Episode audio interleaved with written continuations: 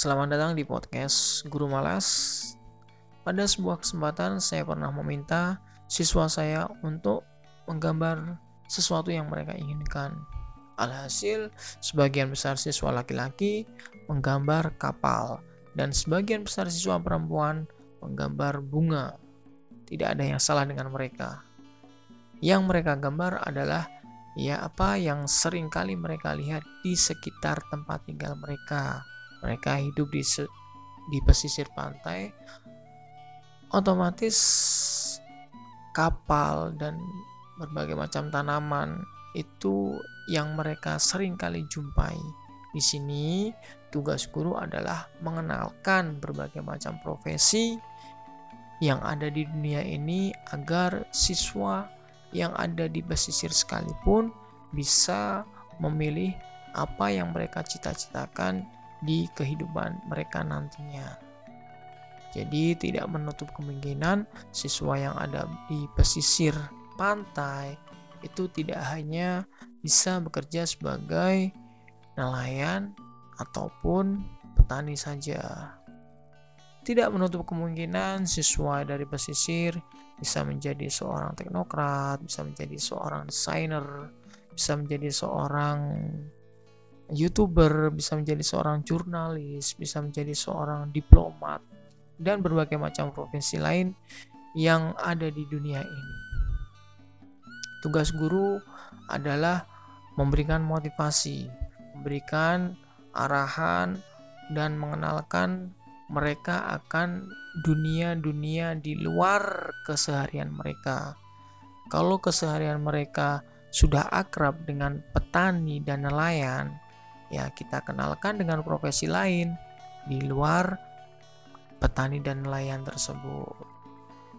Toh, kalau misalnya suatu hari nanti mereka tetap berkeinginan menjadi petani ataupun nelayan, ya paling tidak kita sudah berusaha untuk mengenalkan kepada mereka tentang profesi lain yang ada di luar keseharian mereka.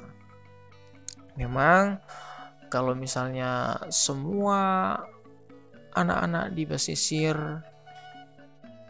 berprofesi eh, selain nelayan dan petani, eh, maka yang akan melanjutkan kearifan lokal di sana siapa? Paling tidak beberapa persen dari mereka harus ada yang melanjutkan profesi nelayan dan petani. Ya, paling tidak ketika mereka nantinya akan mewarisi profesi dari orang tuanya, mereka bisa menjadi nelayan dan petani yang lebih sukses daripada kedua orang tuanya saat ini. Itu tujuan dari pendidikan, membebaskan setiap siswa untuk memilih apa saja yang mereka inginkan. Kita sebagai seorang guru tinggal mengarahkan, membimbing, memberikan pemahaman-pemahaman agar peserta didik uh, bisa mendekati apa yang menjadi cita-cita mereka. Bukan sebaliknya, kita malah mematahkan semangat mereka, itu saya rasa uh, bukan guru yang baik.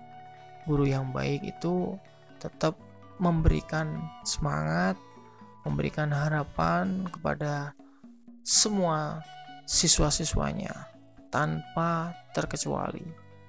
Jadi sudah semestinya guru itu harus bersikap adil tidak hanya dalam kesehariannya mereka, Guru harus bisa bersifat adil sejak dalam pikiran. Itu menurut saya.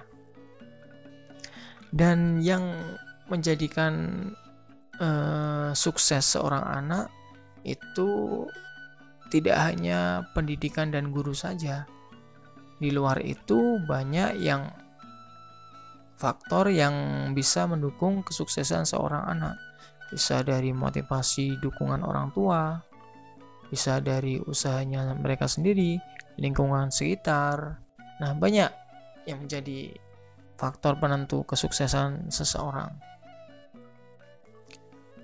Harapan orang tua, nah, ini menjadi faktor penting. Jadi, banyak orang yang tidak tahu bahwa harapan orang tua, orang tua yang terus berharap agar anaknya bisa menjadi sukses, itu sangat menentukan anak itu sukses atau tidak di masa depannya. Ya. Jadi kita sering kali lupa bahwa yang namanya harapan itu tidak hanya dimiliki oleh mereka yang berpendidikan tinggi saja. Seseorang dengan latar belakang pendidikan yang kurang pun kalau misalnya uh, setiap hari memberikan motivasi, dukungan, harapan bahwa anaknya suatu saat nanti bisa sukses dan itu ditanamkan terus di hati siswa, di pikiran siswa, saya rasa uh, siswa itu akan dekat dengan kesuksesan. Apa yang mereka dengar, apa yang mereka rasakan, apa yang mereka uh, alami setiap harinya itu akan terekam dalam memori mereka sehingga mereka akan mengingat apa yang sering kali diucapkan oleh orang tua, apa yang sering kali diucapkan oleh guru. Jika suatu itu bernilai positif, maka hasilnya saya rasa akan banyak yang positif. Namun sebaliknya jika apa yang biasa didengar, apa yang biasa dilihat oleh orang uh, siswa adalah sesuatu yang negatif ya akan buruk akibatnya di kehidupan siswa atau anak-anak tadi. Itu menurut saya.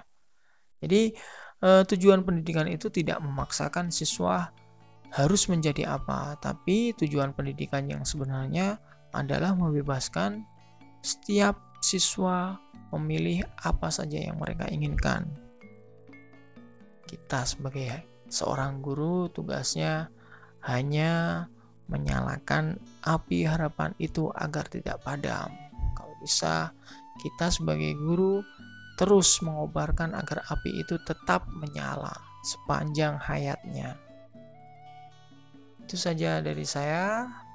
Uh, kurang dan lebihnya pasti banyak kurangnya karena saya hanya manusia yang bisa berucap tanpa banyak membaca. Oke, yang penting tetap semangat belajar.